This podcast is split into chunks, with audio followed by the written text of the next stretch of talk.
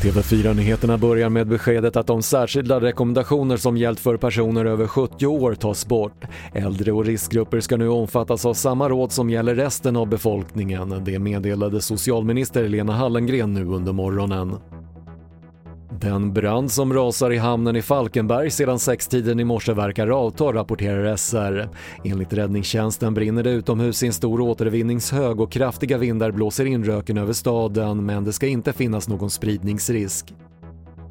Storbritannien kommer införa nya hårdare regler för EU-medborgare som döms för brott. Har man till exempel dömts till minst ett års fängelse släpps man inte in i landet och det kan komma att gälla från 1 januari. Förslaget ska presenteras i parlamentet senare idag. Och svenskarna fortsätter att köpa mat på nätet konstaterar branschorganisationen Svensk dagligvaruhandel. E-handeln ökade med 75,5% i september men även hemleveranser och att hämta upp sina matkassar i butik är populärt. Det var det senaste från TV4 Nyheterna. Jag heter Patrik Lindström.